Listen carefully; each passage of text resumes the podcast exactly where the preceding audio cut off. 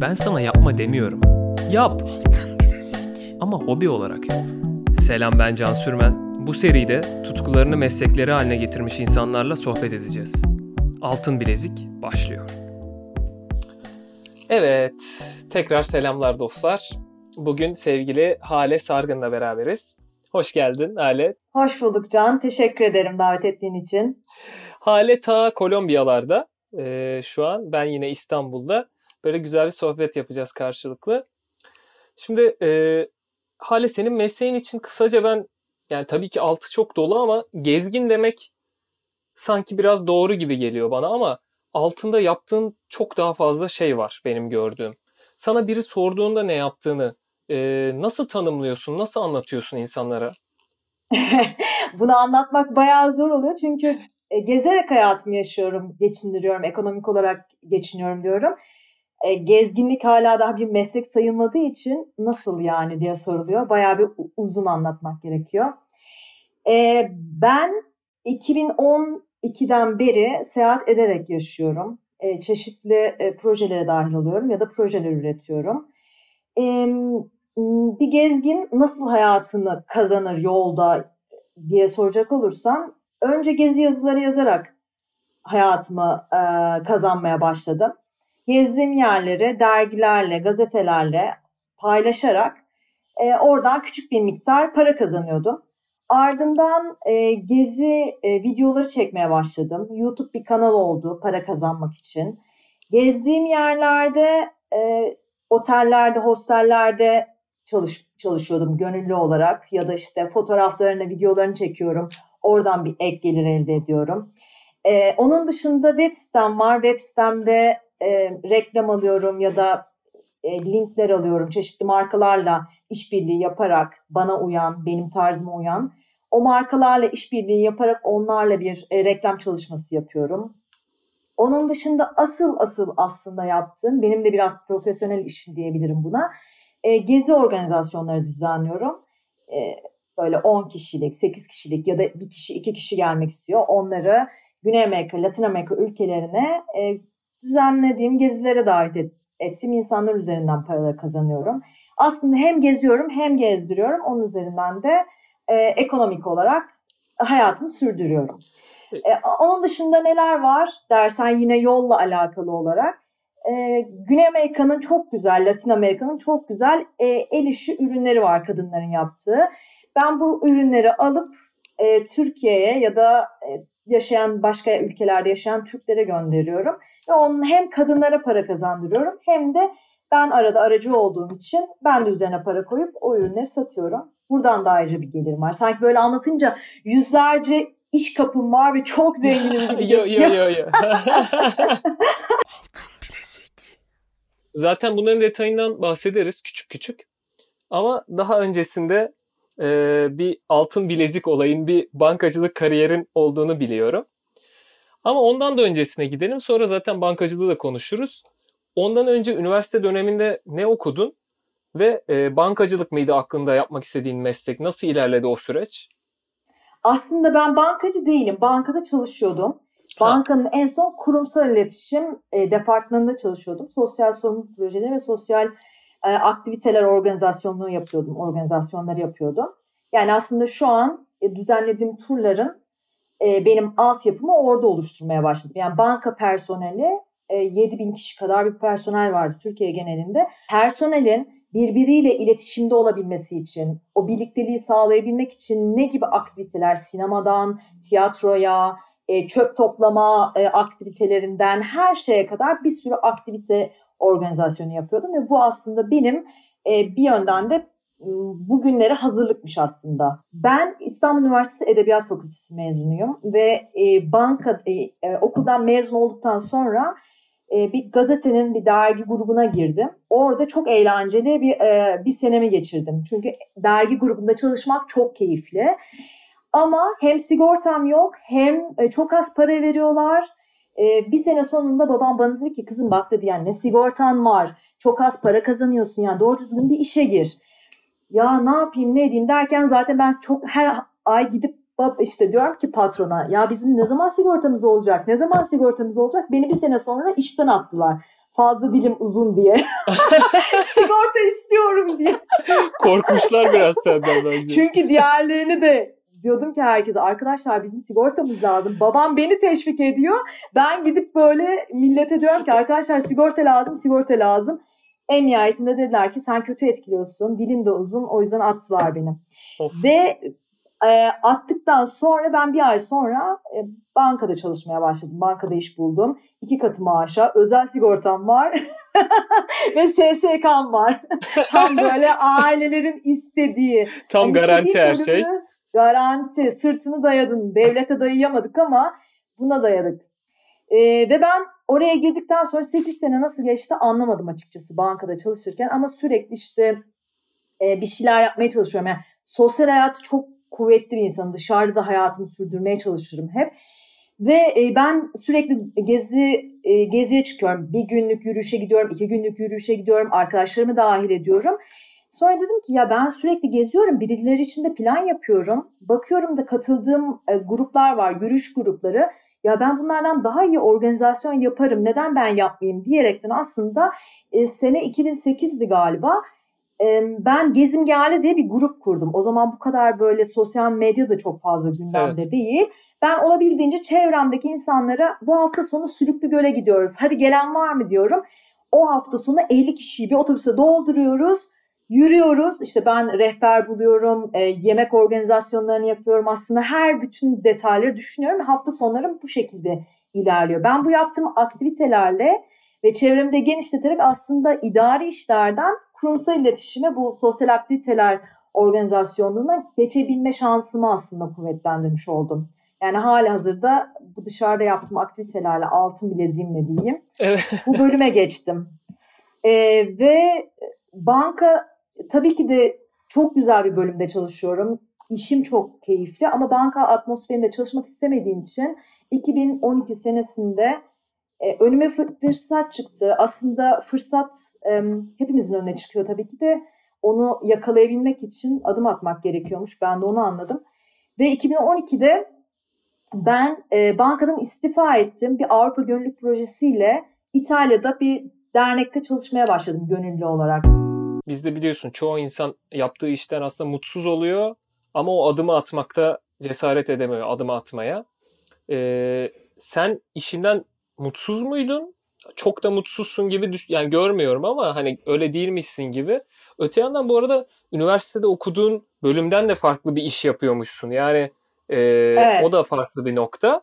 E, orada mutsuz muydun ve o noktadaki istifa kararına nasıl geldin? O nokta çok önemli bence. Bana hani desen ki hale e, şu odanın içerisindeki bütün çer çöpü topla ben onu en iyisiyle yapmaya çalışırım. Ama hani seviyor muyum? Sevmiyorum. Ama karşılığında sürekli işte bir psikolojik baskı yapılıyor ya fark etmeden de.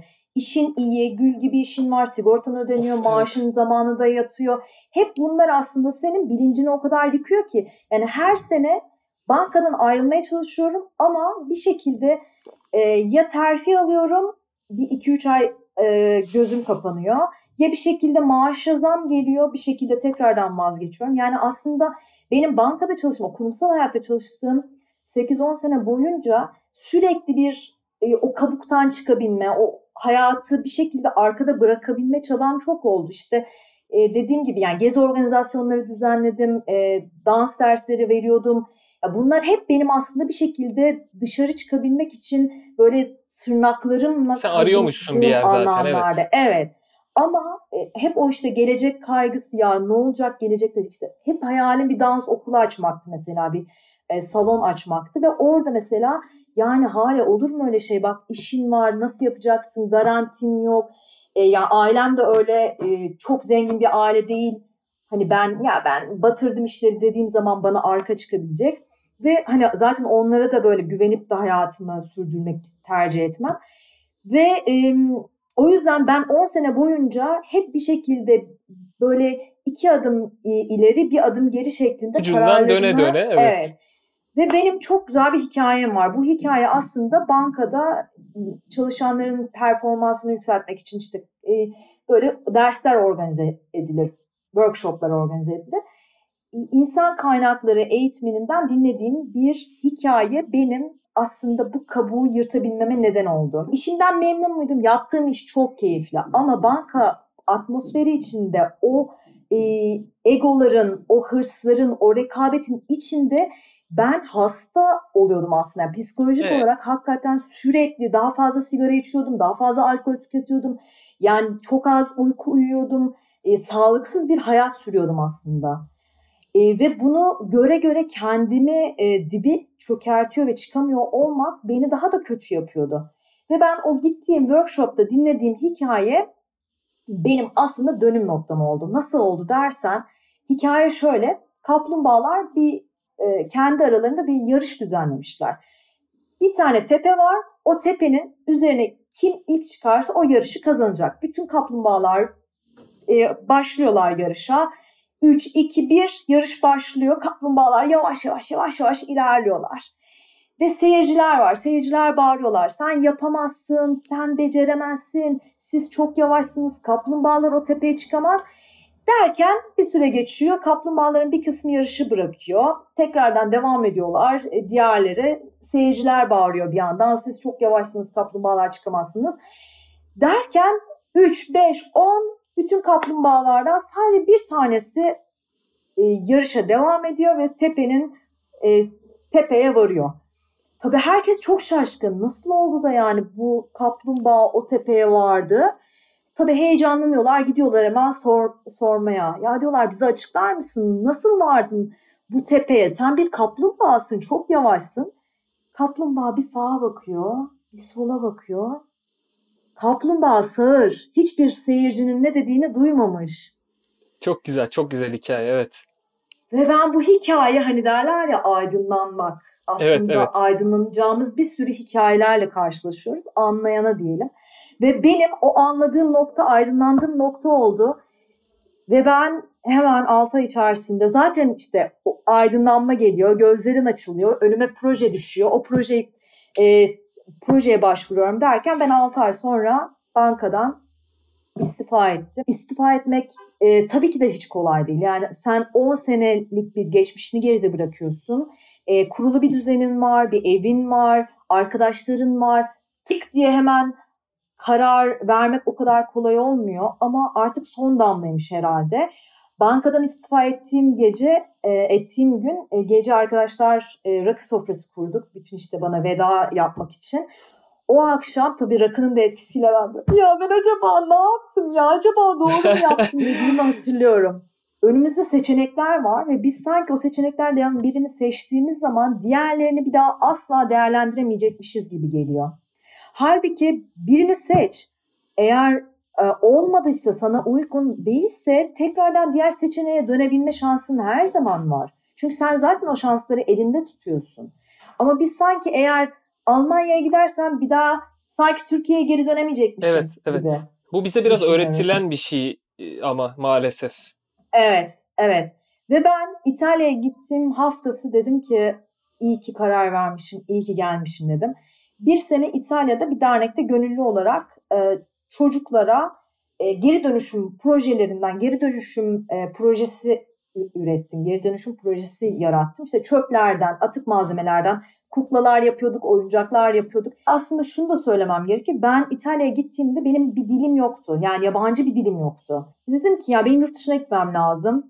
Yabancı dil öğrenmem lazım. İtalya benim için çok güzel bir e, yer oldu başlangıç açısından. Hem de bir projeyle gittiğim için e, herhangi bir para ödemedim projeye. Uçak paramdan vize parama kadar bu projeyle e, orada kaldım bir sene boyunca. Bir sene sonra İtalya'dan döndüm. Çok güzel bir altın bileziğim vardı. İtalyanca öğrenmiştim. Evet. Döndüm Türkiye'ye ve İtalya e, İtalyancayla e, fuarlarda İtalyanca Türkçe tercümanlıklar yapmaya başladım. Süper. Benim Süper. için müthiş bir e, başlangıç oldu aslında bakarsan tekrardan bir yeni bir hayat kurmak için. Zaten aslında sana şeyi soracaktım. Geçiş sürecinin nasıl olduğunu soracaktım. Çok güzel bir yere evrildi muhabbet. Ee, işi bırakırken böyle bir şey yapmaya zaten karar vermiş miydin? Yoksa işi bıraktın sonra mı karşına çıktı bu proje?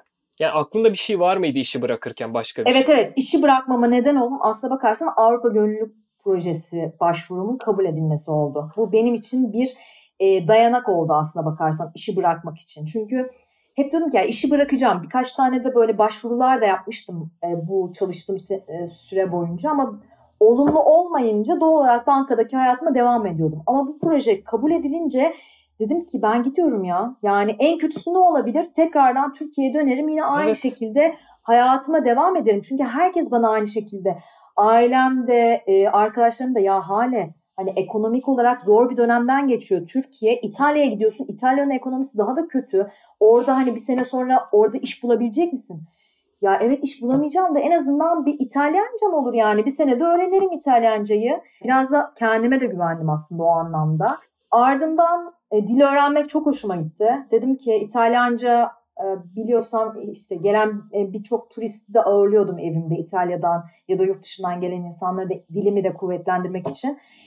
E, gelenlerin hepsi bana diyorlar ki ya sen çok iyi İtalyanca konuşuyorsun. İtalyanca bildiğin için çok iyi İspanyolca öğrenirsin. E, neden İspanyolca öğrenmiyorsun?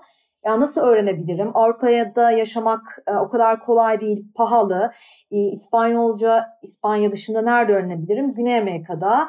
Evet. E, tamam o zaman bir Güney Amerika'yı araştırayım diye başladım.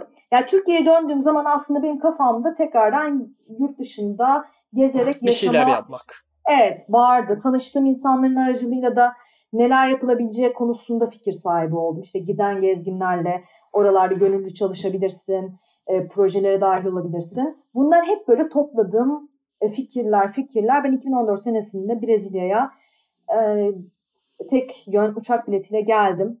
Ondan sonra da o seneden bu sene bu seneye kadar da buralarda gezerek devam ediyorum. Altın bilezik. 2014'te o bileti aldığında artık tamamen karar vermiştin değil mi? Ben bir yola çıkıyorum.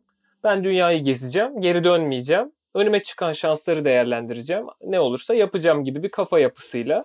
Aslında çok uzun bir vadeli böyle tüm hayatım böyle geçecek diye hiç düşünmedim. Bu, bu zamana kadar geleceğimi de düşünmedim. Sadece işte iki senelik bir Güney Amerika, Latin Amerika turu yaparım. Başlarım Brezilya'dan, Meksika'dan çıkarım.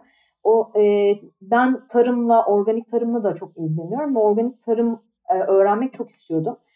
E, o nedenle de böyle e, ilk bir senem hep e, çiftlikleri, ta, tarlaları gezerek oralarda işte bir, sen, bir ay gönüllü olarak çalışıyordum bir yerde. E, bir ay geziyordum. Hem e, tarım konusunda bilgi ediniyordum hem de o ülkenin gezeceğim yerlerini e, görüyordum. E, o nedenle de hem işte bunlar hep e, benim ailem aslına bakarsan e, bu altın bilezik konusunu o kadar bana aşılamış ki yaptığım patates topluyorum bir çiftlikte altın bilezik bunlar. Patates nasıl patates nasıl toplanır, nasıl ekilir bunlar hep ileride benim yapacağım projeler için e, bir taban diye düşünüyordum. Ve e, böylece hem İspanyolca öğrenmeye başladım, hem tarım öğrenmeye başladım, hem Çok turizm e, kaldığım hostellerde, tanıştığım, gittiğim turlarda. Bunlar benim böyle e, yaptığım işleri büyütmeme, zenginleşmeme neden olan şeylerden yavaş biri oldu. Yavaş yavaş başlangıç oldu. Evet. Herhalde. Yani iki sene e, hayatım bu şekilde buraya kadar evrilebileceğini açıkçası çok fazla düşünmüyorum. Çünkü çok fazla örnek de yoktu. Yani hani şimdi digital nomad dedikleri işte bu e, hem hayatını yolda çalışarak sürdüren kısım o zamanlarda açıkçası çok fazla yoktu. Ailem dedin, e, onu soracaktım. Aslında şu ana kadar e, bahsederken böyle küçük küçük onlardan da bahsettin ama aile ve çevren artık bu noktada dedin ki sen ben Brezilya'ya gidiyorum. En azından iki yıl bir tur yapacağım. Nasıl tepkiler geldi o taraftan? Ee, ya benim babam e, hayat çok şanslı bir e, insanım aslında aile açısından. Çünkü e, sürekli beni destekleyen insanlar.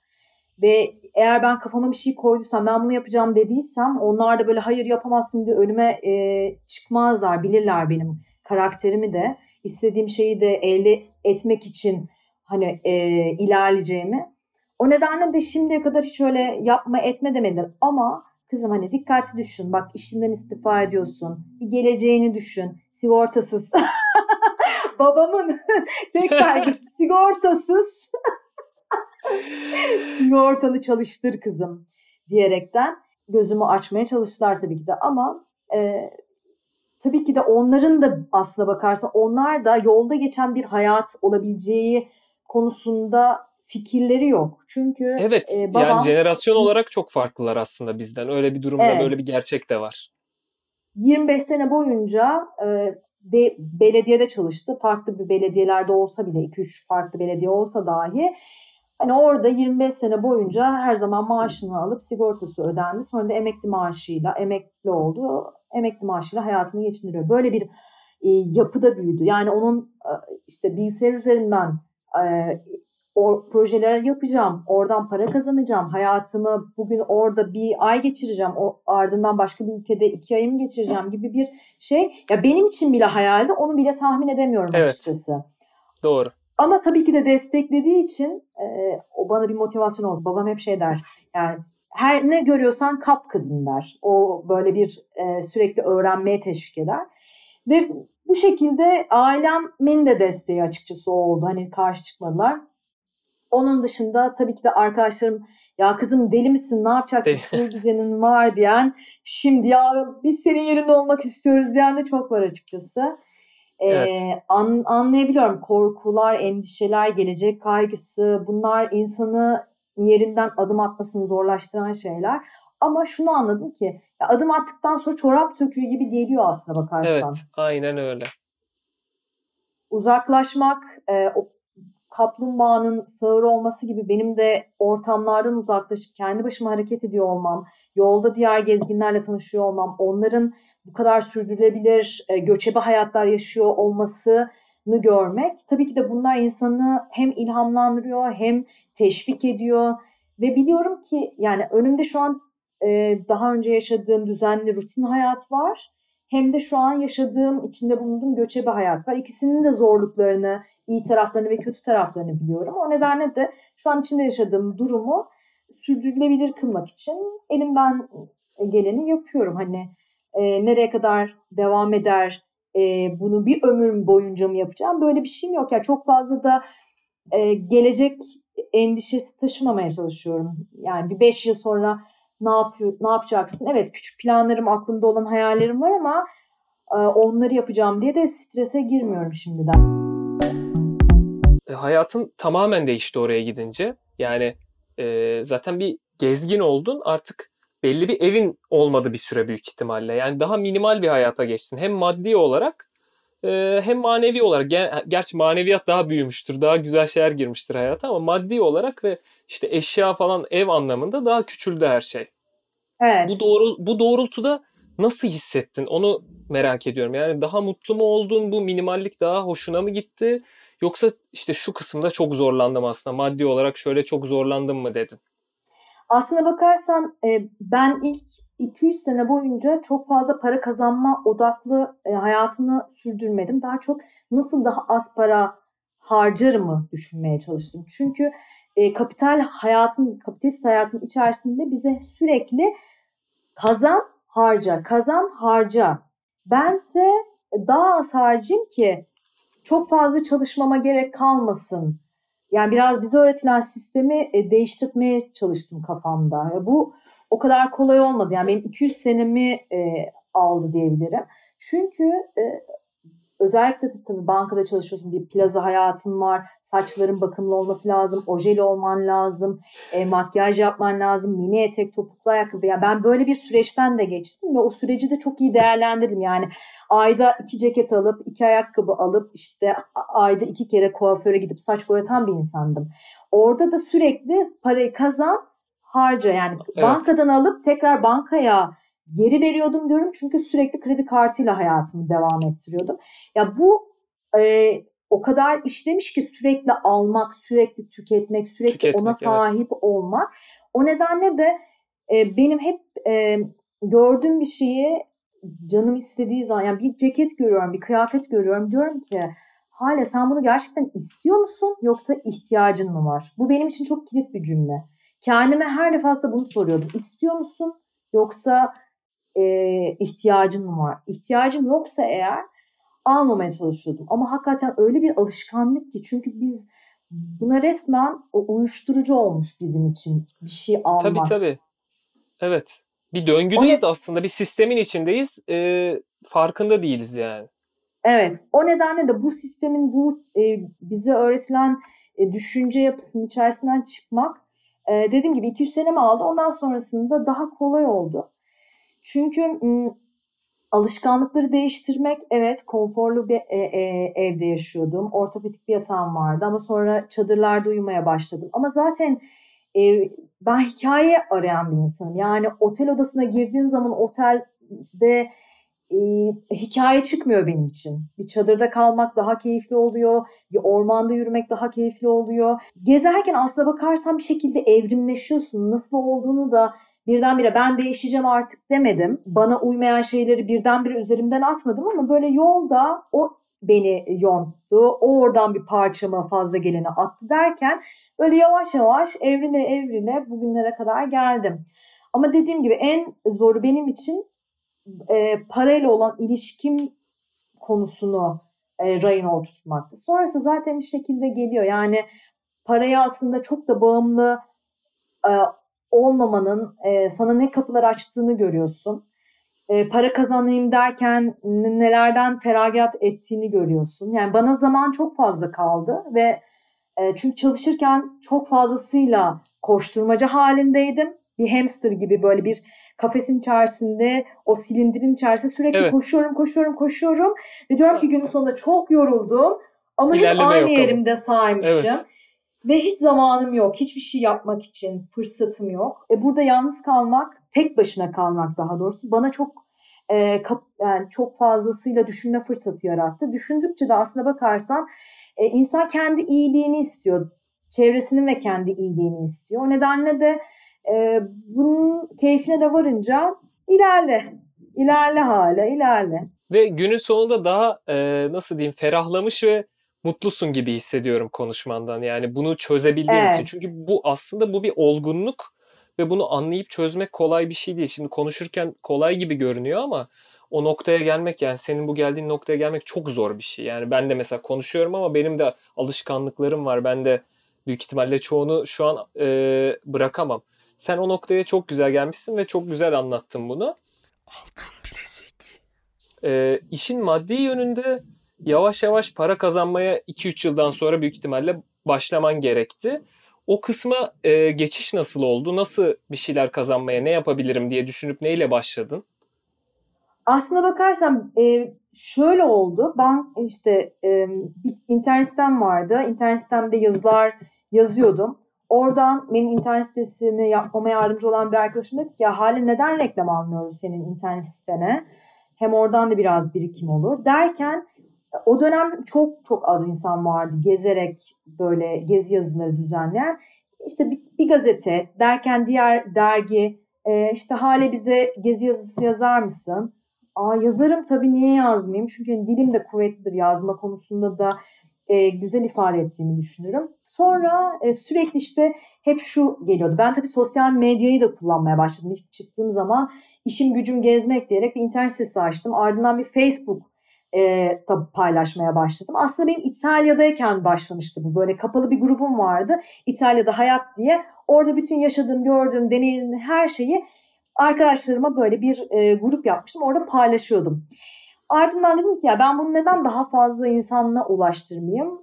Böyle işim gücüm gezmek buradan çıktı. Bin kişiyle yola çıkmıştım ilk Güney Amerika'ya geldiğim zaman. Sonra böyle büyüdü, o onu, o onu ekledi derken büyüye büyüye e, Tabii insanlar hani hala ne güzel geziyorsun bizi de gezdir. Hala ne güzel yapıyorsun bizi de gezdir. E tabii 3 sene sonrasında yani neden ben de gezdirmeyeyim? Doğru insanlar gezmek istiyorlar. E benim bildiğim yerler çünkü ben bir ülkeye girdiğim zaman en azından bir sene kalıyorum. Ve o ülkeye hakikaten e, incik incik ediyorum. Her tarafını gezip öğrenmek e, istiyorum. Öyle hemen iki senede bir dünya turu yapayım sonra da e, sallanan koltuğuma oturayım gibi bir düşüncem yok böyle ömrüme yayılmış bir dünya turu içerisindeyim diyorum. Ve e, çok iyi bildiğim için de çok iyi kontaklar da kuruyorum. Yani gittiğim yerlerde yerel insanlarla iletişime geçiyorum. Orada tur düzenleyen insanlarla iletişime geçiyorum. E, bu arada tabii ne oldu? İspanyolcam gelişti. İspanyolca öğrendim. O nedenle de bu benim bir, başka bir altın bileziğim oldu. E, tur düzenlediğim için e, insanlar gezmek istiyoruz deyince tamam siz gezmek istiyorsanız o zaman yine sizi gezdireyim diye işim gücüm gezmek, birlikte gezmeler e, başladı. Turlar organize etti. Aslına bakarsan böyle bir e, maddi kaynak buradan da oluşmaya başladı bana. Seninle ilgili işte biraz araştırma yapıyordun. İlk sözlükte şöyle bir şey gördüm. Özgür insanlardan yazıyordu senin için. Bu o kadar hoşuma gitti ki benim. Kafamda şu doğdu. Ee, sence yani insanlar o kadar sıkışmış ve hapsolmuş hissediyor ki e, seni özgür görüyor şu an. Anladın mı? Yani o bir yere kilitlenmiş sen özgürsün gibi hissediyor. Yani gerçekten özgür müsün sence ve öyle hissediyor musun diyeyim. Hmm. Çok güzel bir soru. Ee, özgür olduğumu her hissettikten sonra tekrar bir geriye döndüğüm zaman bakıyorum. Mesela ilk geldiğim zaman buralara özgür olduğumu düşünüyordum. Ama aslında mental olarak beni e, özgür olmamı engelleyen birçok şeyle e, karşılaştım sonrasında. Ne gibi işte kültürel e, yargılar, öğrendiğimiz o annelerimizin, babalarımızın, kültürümüzün bize öğrettiği e, öğrenilmiş çaresizlik diyoruz ya. Çok doğru evet çok işte doğru. yabancılarla konuşmadan başta da e, her yeni gelen her tanıştığın erkeğin senden bir beklentisinin olması, e, otostop çeken kadının e, her kadının tecavüze uğraması, e, tek başına geziyorsan mutlaka bütün büyük riskleri peşinden e, getiriyormuşsun gibi. Yani ben de yola çıkarken e, her ne kadar başıma çok kötü şeyler gel- gelmese de e, Türkiye'de yaşarken e, illaki bir böyle bir korku iç, işlenmiş durumda. O nedenle de e, o korkularımdan arınma sürecinde kendimi özgür diye zannediyordum, özgür diye düşünüyordum. Halbuki aslında çok fazla özgür değilmişim. O korkularımın, endişelerimin hapsindeymişim diyebilirim. E, ama tabii bunlardan böyle birdenbire tabii Türkiye'den çıktım, başka ülkelerde gezmeye başladım. Ben artık özgürüm diyordum ama bugün baktığımda diyorum ki aslında özgürlük biraz da düşüncelerle alakalı şeyler. Sen ne kadar kendine prangalar koyuyorsan e, düşünsel olarak aslında çok fazla özgür değilsin. Ama baktıkları zaman evet özgür müyüm? Evet özgürüm çünkü kimseye hesap verdiğim bir hayatım yok. E, kendi kimseye maddi açıdan bir bağlantım, bir e, bağım yok. Yani bugün e, patronumun e, bana söylediği bir lafı çekmek zorunda değilim. Çünkü kendi işimin patronuyum.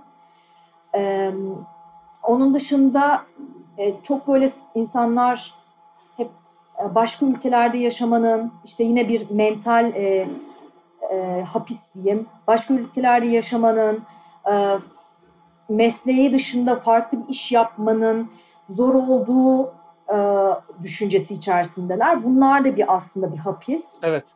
Ama ben artık e, öyle düşünmüyorum. Yani ben ne iş olsa yaparım düşüncesindeyim. Yani e, ben bugün gidip İtalya'da da yaşayabilirim. Ben bugün gidip e, Afrika'da da yaşayabilirim.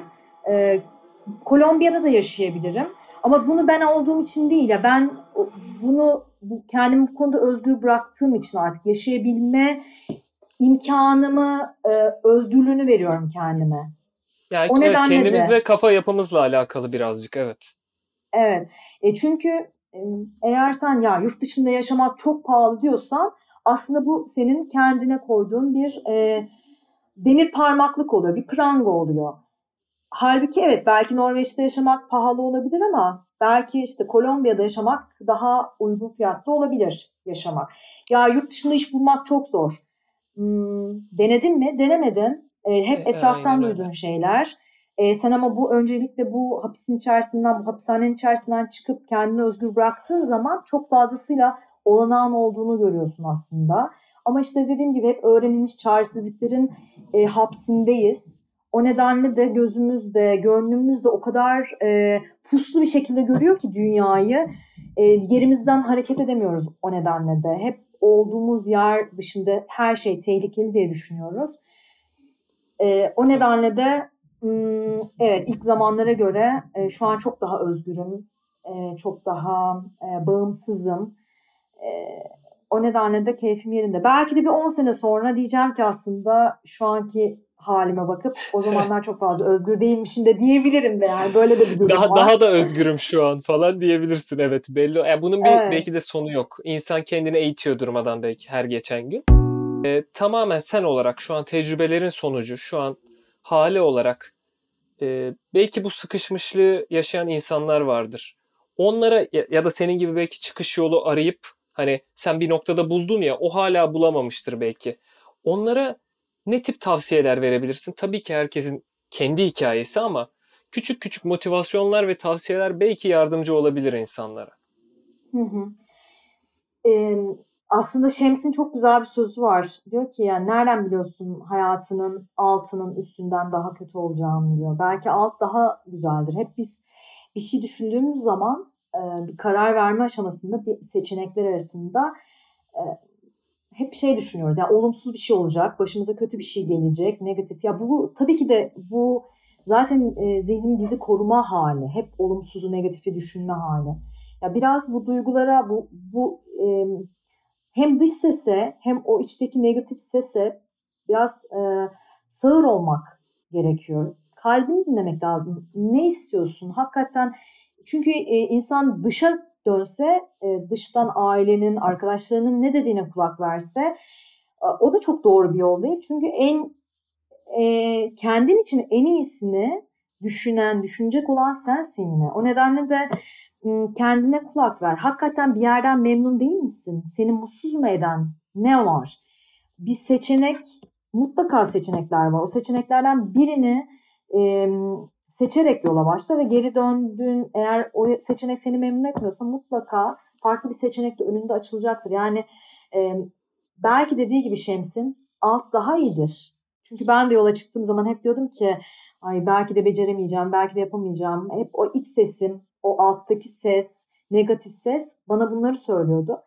Ama şimdi dönüp baktığım zaman diyorum ki iyi ki karar vermişim. Yani bir şeyi karar verin. O kararsızlık zaten modern insanın, biz modern insanların hakikaten en büyük e, şeytanı diyebilirim. Yani karar veremiyoruz. O kadar seçeneğimiz de aslında o kadar fazla ki. Yani bu bir, evet. e, bu e, podcast'i dinleyen e, insanların eminim hayatlarında birden fazla seçenek var. Birden fazla seçenek var. Eğer olduğun yerde memnun değilsen git diğer seçeneği dene. Denemek en en en, en önemlisi adım evet. atmak. Ya e, çok teşekkür ediyorum sana. Umarım bugünkü sohbetimiz de senin kaplumbağa hikayen gibi yani kaplumbağa hikayesini seni etkilemesi gibi belki bir kişiyi etkilese kardır bizim için. Çok çok teşekkür ediyorum. Çok sağ ol oralardan ta bize zaman ayırdığın için. Ben teşekkür ederim Can. Ee, beni de dahil ettiğin için. Herkese Kolombiya'dan sevgilerim.